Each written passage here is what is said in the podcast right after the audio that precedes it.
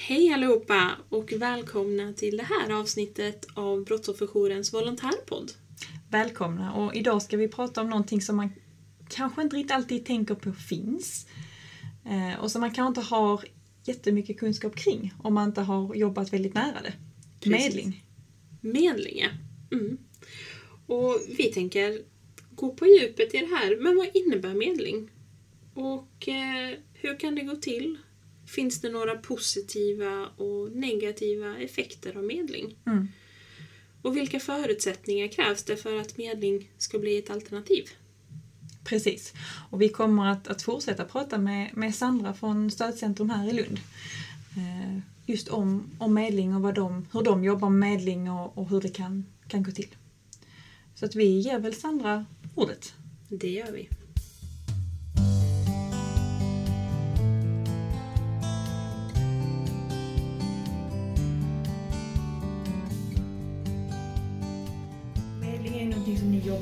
På, på Stödcentrum också. Ja. Och det, vi på Brottsofferjouren har ju liksom stöd till, till alla, också unga.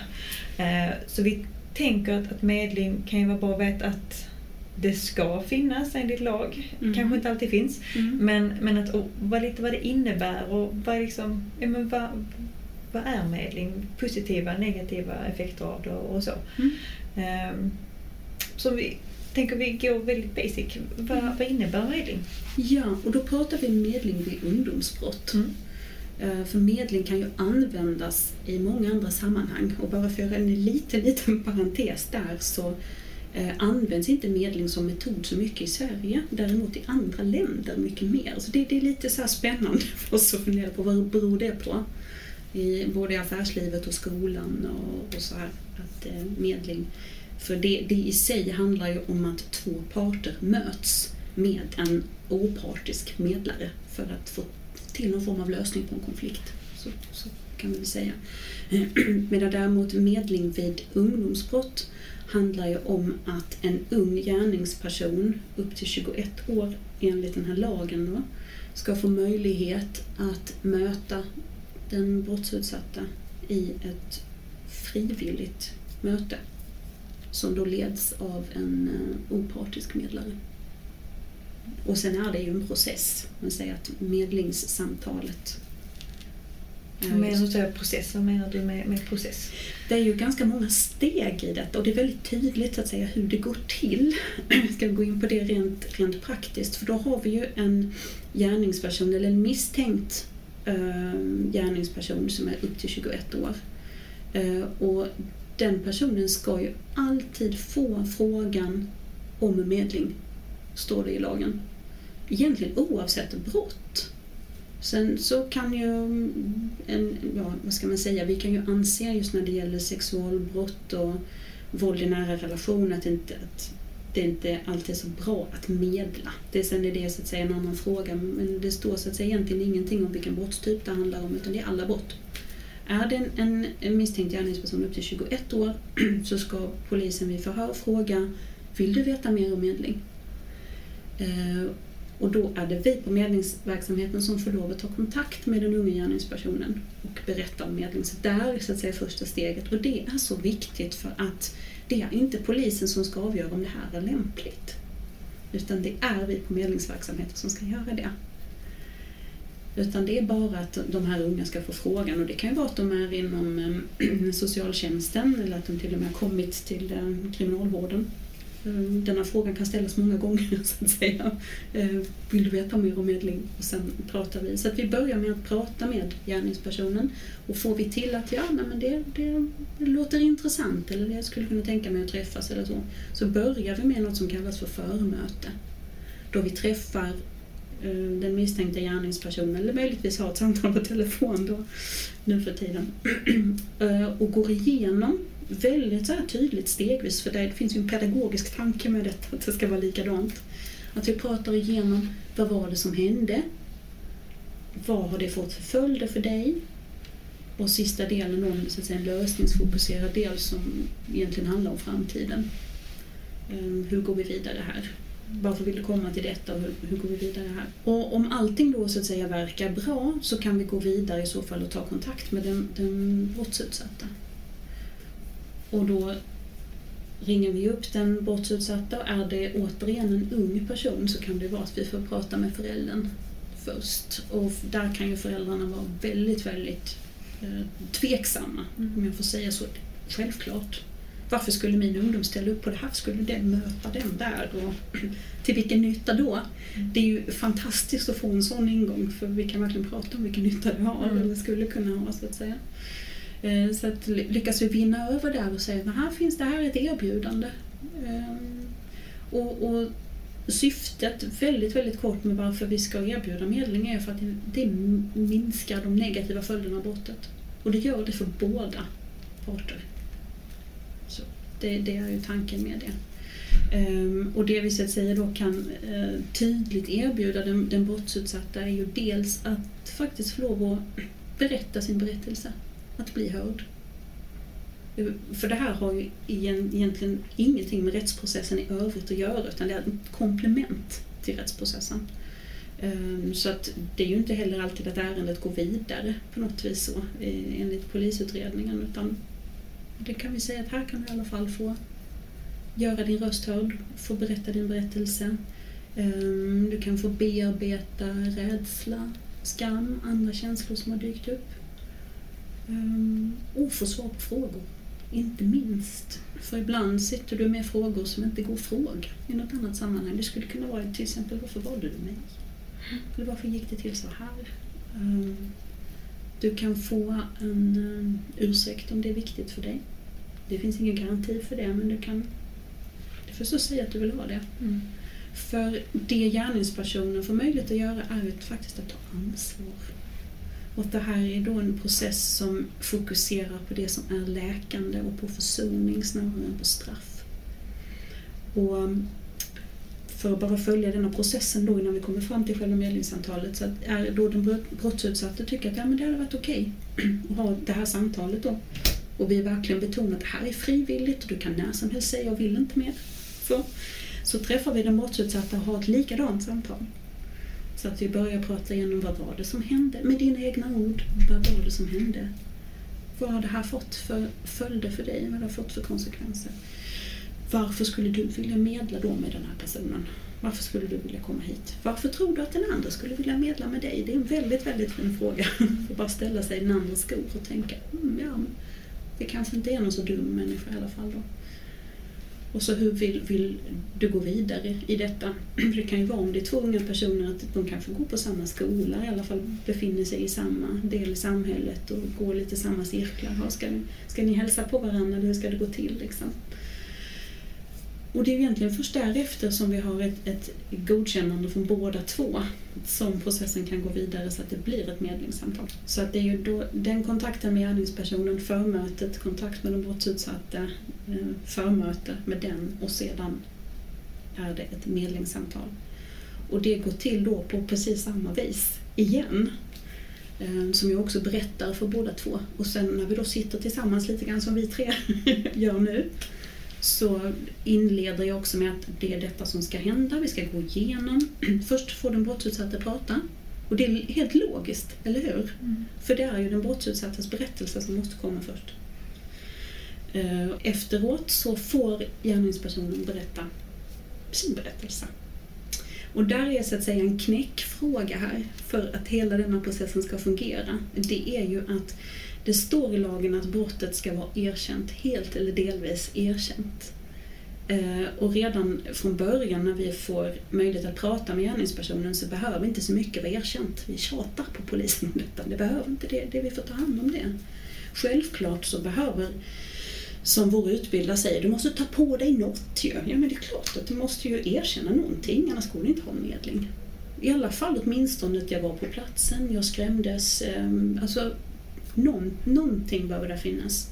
Eh, och vad vi fått lära oss också av de som har jobbat länge med medling, det är att vi kan lita på att den här processen, att det kommer att leda fram till en bra kontakt så att säga. För det är ju de här två deltagarna samtal. Efter den här inledningen så ska jag mest sitta där och liksom låta dem prata, det är deras samtal. Men när gärningspersonen får då prata om vad var det som hände så är det ju jätteviktigt att ta på sig ansvar. Nu har du chansen att ta ansvar. Liksom. Gör det så. Va? Och det får vi ju fina exempel på hela tiden när vi har medlingssamtal. Att det, det blir så. Mm. Och det kan vara att nej, det var inte, inte tänkt så eller det var inte meningen eller um, jag hade druckit, hade inte tänkt göra så. Det kan vara egentligen vad som helst. Och det är inte att det läggs fram som någon sorts mildrande omständighet utan det blir ju lite här i min berättelse. Mm. Det är väldigt, väldigt fint för båda att kunna lyssna på det. Och sen får parterna möjlighet att ställa frågor. Och sen går vi vidare till nästa del så får återigen den brottsutsatta berätta vad har det här fått för konsekvenser för dig? Mm. Det är jätteviktigt att både få berätta det och att den andra får lyssna på det. Så här dåligt har jag mått av detta du mm. gjorde mot mig. Och sen får gärningspersonen berätta, för det kan ju också vara lite, jaha, du har också sovit dåligt. Mm. Du har också ont i magen. Mm. Jaha, din förälder blev så arg på dig, eller mm. vad det nu kan vara som är det, liksom det jobbigaste. Mm. Och sen i den här sista delen då så kan ju de här deltagarna också sluta någon form av avtal eller göra någon överenskommelse. Det kan vara någon form av kompensation. Som kan vara både praktisk eller ekonomisk men det är så att säga någonting som i så fall är upp till parterna att lösa. Och är det yngre personer så kan det också vara så att säga, bra att ha med vårdnadshavarna i det. Om det ska vara någon överenskommelse så. Men, men annars så tänker vi att det är allra bäst att ha ungdomarna själva i rummet, eller de, ungdom, de unga personerna mm. själva i rummet. Så att det, det, är ju en ganska enkel, så, enkel process egentligen. Att just gå ut på detta att det är ett möte som ska minska de negativa konsekvenserna. Att, det är frivilligt och att det handlar om det man kallar för reparativ rättvisa. Mm.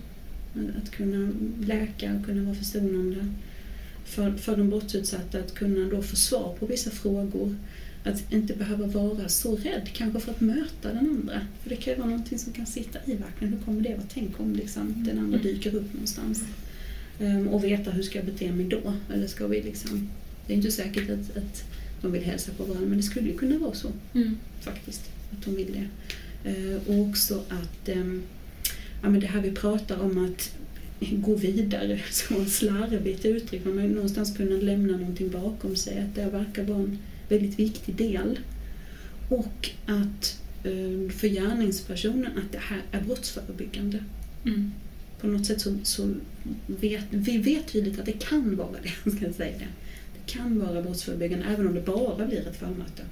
Så, så är det det. Och det är också fint att få någonstans få ge det till båda. Säga att det där ni gör är faktiskt till stor nytta och glädje. och hjälp för andra på något sätt. Mm jättebra. Mm. Så kan ösa beröm över de här som ställer upp med mod och tid och engagemang och, mm. och lyssnar och berättar och så. Ehm, på det sättet en fantastisk process kan jag ju mm. tycka som är så har vunnit över själv så att säga. Mm. Ehm, kommit in i detta men det till och med så, så ehm, kan vi prata i termer av hämndbegär, att det minskar. Mm. Och det är väl väl så. Skulle någon sitta och känna det så kan det ju bli rätt mycket mm. bitterhet av Speciellt om det inte blir någon, någon rättegång eller polisen bara lägger ner, mm, lägger ner det här. Att det inte blir någon upprättelse på det mm. sättet. Någon form av rättvisa går faktiskt att få i detta. Mm. mm. Ja, det, det låter ju verkligen som en superviktig verksamhet som, som eh, borde få mer uppmärksamhet. Ja, verkligen. Eh, och fler som, som borde söka sig till, till, eh, till eh, den här den här chansen, den här möjligheten, som du säger, till reparativ rättvisa. Mm. Men du, du, nämnde här, så jag blev lite nyfiken kring eh, att det är eh, frånkopplat ifrån polisen och förundersökningen. Men du nämnde också att det i grunden måste finnas någon typ av erkännande. Mm. Att man i alla fall var på platsen eller att ja, men det hände men det var inte meningen. Precis. Men om det är så att det leder till en, en rättegång eller en förhandling, kan det här användas till den misstänktes nackdel och till målsägarnas fördel eller det här är helt frånkopplat? Det är helt frånkopplat. Det är det. Om du tänker så att säga rent innehållsmässigt vad som kommer fram i samtalen så är det helt frånkopplat i det här medlings, medlingssamtalet. Sen är, är ju inte tanken att gärningspersonen ska berätta mer för oss än den har berättat för polisen. Så det behöver vi någonstans vara, vara tydliga med också. Utan det vi kan se är att detta är, i det här komplementet så är det en ung gärningsperson så, så visst är, är det på något vis bra att kunna säga ja men jag har medlat. Alltså vi rapporterar ju till åklagaren alltid. Så på det viset är det ju en, en, en, ska jag säga, en tydlig process också förhållande mellan oss och rättsväsendet så att säga. Om vi jämför med stödcentrum de som kommer där behöver inte finnas någon polisanmälan i brottet för att komma till stödcentrum. Det är viktigt att säga det också. Ehm, men däremot för medling så måste ju brottet vara polisanmält. Mm. Eh, och sen i, i princip så, alltså det ger ju inte direkt någon straffrabatt heller, eller vad jag ska säga. Och fördelen för ehm, för den brottsutsatta är väl i så fall mer på en så att säga, psykologisk eller personligt plan. Vad skulle det bli en rättegång efter en, en medling så skulle det nog vara enklare att gå dit på något vis och mötas där och prata om vad som faktiskt hände när du har gjort det i denna formen. Mm. Så det är mer på det sättet. Mm.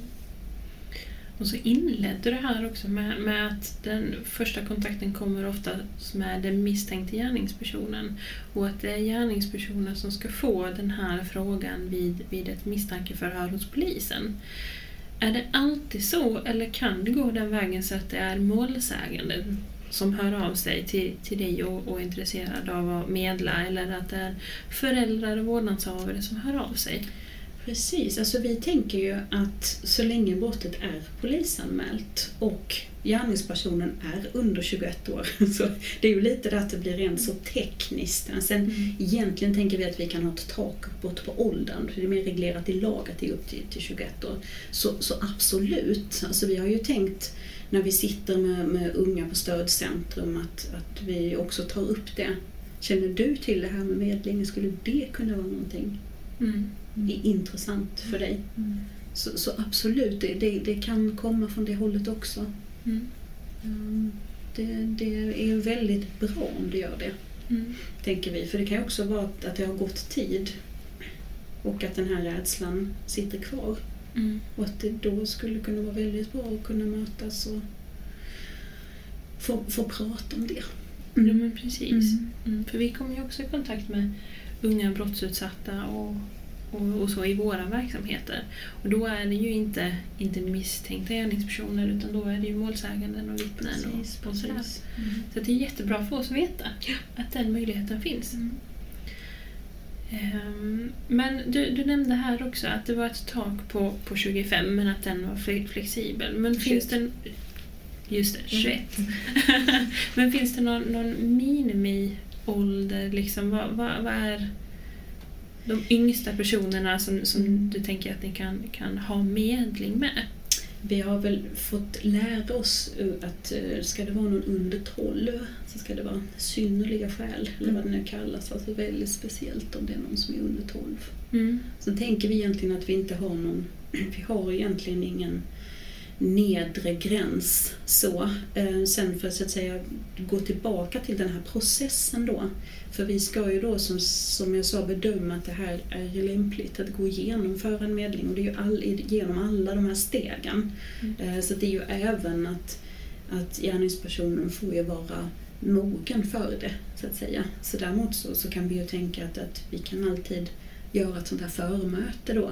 Att det kanske inte blir det finns något som heter indirekt medling också. Det kan vara att du kanske skickar med något meddelande till den andra. Kanske skriver ett litet brev eller på något sätt så kan du ändå vilja ge någonting. Mm. Uh, och det kan ju också vara att, att det inte blir något för att den brottsutsatta inte vill. Um, så det kan ju vara många, många skäl till så att säga att det bara blir delar av, uh, delar av processen. Eller båda två kan ju, kan ju så att säga hoppa av. Men det är ju ändå viktigt att kunna säga till den brottsutsatte då att ja men den misstänkta vill, vill träffa dig. Så. Mm. Um, det blev lite en utveckling där av just åldersfrågan men, men i princip kan vi väl tänka från 12. Medan mm. då den brottsutsatte, där finns ju så att säga ingen åldersgräns. Nej. Så det är väl också viktigt att ändå komma, komma ihåg det.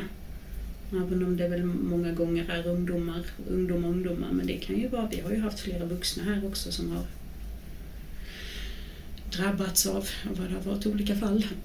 Skadegörelser och inbrott och sånt här. Mm. Så att, ehm, och det, jag kan ju tänka så här ibland att även om det då inte blir så tydligt för, för ehm, polisen om de inte får fatt i någon. Jag kan tänka mig så här utifrån brotten så att säga. Att det här till exempel det går lufta cyklar och skrapa bilar och sånt där. Att det hade varit jättebra för att ta tag i det. Mm. Eller bara, bara sådana här eh, dumma saker som faktiskt kränker människor något enormt Mm. mycket. Bara för att det är så onödigt. Mm. Mm. Liksom. Verkligen. Mm. Och få lov att någonstans få ställa den frågan. Varför gjorde du så? Mm. Mm. Det tänker jag hade kunnat vara jättebra. Mm. Det Verkligen. kan finnas någon förklaring eller så finns det ingen förklaring. Men då Mm. kanske den andra inte riktigt har förstått att du, det där är, gör folk riktigt arga och ledsna när du gör sådär. Mm. Även om det inte direkt är något straffvärde i det så att säga. Men eh, man, man blir rent liksom etiskt och moraliskt kan- kan det ju kännas att bara få frågan att varför gjorde du det? Ja, mm. Nu har du chansen att förklara det ja precis. Ja. Jag funderar, vi pratar mycket om det positiva kring så finns det någonting som visar på alltså, negativa effekter eller någonting sånt? Nej, det skulle Nej. jag säga att nej, inte, inte när det blir en medling. Nej.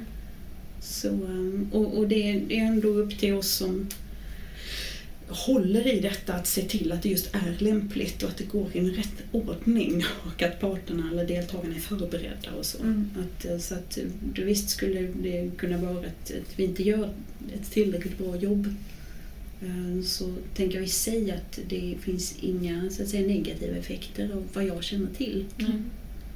av förmedlingen eller att det har kommit den sortens feedback utan snarare att de som är med deltar i en medling upplever det positivt. Mm. Och eh, på det här positiva spåret här. eh, Efter ett sånt här genomfört medlingssamtal och, och eh, du ser de här positiva effekterna. Vad innebär det för, för brottutsatta? Vad, vad är det de uttrycker efter att ha varit, varit med i en, i en medlingsprocess? Och det får jag ju då så att säga läsa mig till för vi har ju ingen eh, uppföljning. Eller får vi, vi får ingen återkoppling.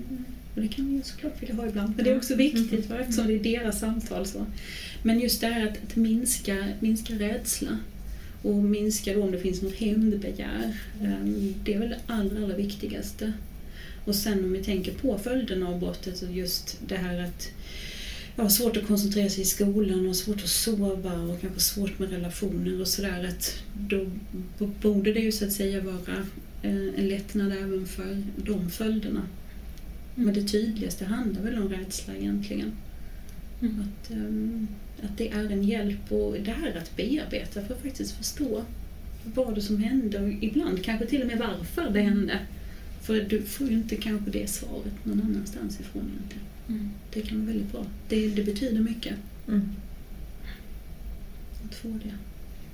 Och då har vi gått igenom det. Det krävs liksom, kravet är att för att få medling är lite att någonting måste i alla fall vara erkänt. Ja, Ehm, och att det ska finnas samtycke från, från båda håll. Exakt. Mm. Och så polisanmälan i grunden. Och polisanmälan i grunden. Mm. Är det någonting Precis. annat än det här så, som ligger till grund för att det ska vara, vara läge för medling? Nej, det är det just det här att det är, är frivilligt Mm. och att, det finns samtycke. Mm. Och om man då som, som brottsutsatt, eftersom det är de som, som vi träffar, skulle vilja ha medling, vänder man sig till polisen, kommun, alltså var vänder man sig till om det är så att man, man skulle vilja ha medling? Ja, då skulle jag säga kommunen för att kommunen ska ha, Mm. ska ha medling, Mm. ska erbjuda medling. Mm. Eh, Sen om det finns en, en, en utredare på polisen så kan det inte vara fel att prata med den. Mm. Så tänker jag i alla fall att de, de poliser som vi har i Lund vet ju att vi finns. Så där, där är ju, och någonstans så behövs ju ändå den kontakten där, så det skulle heller inte vara fel. Nej. Men det är om, om du eh, googlar på det så dyker det upp väldigt många kommuner där det finns i alla fall. Mm. Eh, Så. Och det, det är någonting så som ska erbjudas. ju. Mm. Men, eh, men så antingen att, att söka upp din lokala medlingsverksamhet eller att ta kontakt med polisen. Mm. Det går säkert lika bra både, Mm. både och. Med att lyfta sin önskan om det till Ja, någon av dem. Precis. Precis. Tack så jättemycket Sandra. Det var jätteroligt att, att ha dig med. Ja, men tack själva. Det var det. har vi blivit eh, lite klokare. Verkligen, jag har lärt mig jättemycket under det här Mm. samtalet med Sandra. Absolut. Det, med, medling är ju intressant och det var som Sandra sa att det används inte så mycket i Sverige. Nej, vilket kan kännas lite märkligt med tanke på alla de här positiva effekterna som Mm. Sandra nämnde. Att det, det kan finnas en reparativ rättvisa. Mm. Eh, att målsäganden kan få svar på varför det var just jag som blev utsatt. Var, varför hände det just mig och just då? Mm. Eh, Men också att det kan, kan vara brottsförebyggande. Att gärningspersonen ser till sig själv att oh, nu har jag gjort mer skada än vad jag kanske trodde eller räknade med. Mm. Precis, man får se konsekvenserna av sitt agerande. Mm. Och det är ju alltid lärorikt i alla situationer. Verkligen, det är det. Men vi fick ju också lära oss här hos andra att för att det ska finnas förutsättningar för medling så, så måste ju gärningspersonen vara under 21 Mm. och bosatt i den aktuella kommunen där det finns medling. Men också att någonting måste vara erkänt. Kanske inte hela brottet, men man måste ha erkänt att man kanske har varit på plats eller har gjort delvis det som, som man är misstänkt för. Mm. Och det kan kanske kännas som, som just för de brottsutsatta att om man erkänner det del, ja, men jag var på platsen men, men jag gjorde ingenting. Ja, men jag vet att det var du som, som rånade mig, jag såg ju dig eller det var du som misshandlade mig. Eh, Så där, där kan, det ju, kan det ju bli lite, lite jobbigt för de brottsutsatta. Mm. Eh, Men det här är någonting som, som man ska veta att det finns. Eh, Det ska finnas i alla kommuner. Sanna var ju lite osäker på om det finns. Det finns i många men kanske inte alla. Ehm, men, men man ska veta om att det finns och möjligheten finns då om gärningsmannen är eh, under 21. Ehm, så att det kan ju bli, bli liksom, man kan ju prata om det med, med den brottsutsatta men man ska veta liksom under vilka premisser ehm, som det gäller, tänker jag. Precis. Så ta kontakt med, med era samordnare och eh, era kommuner och se om det finns medling i just er kommun. Precis. Så vet ni om och vart ni ska hänvisa. Och vi tackar för oss och det här avsnittet. Tack så jättemycket för att du har lyssnat. På återseende.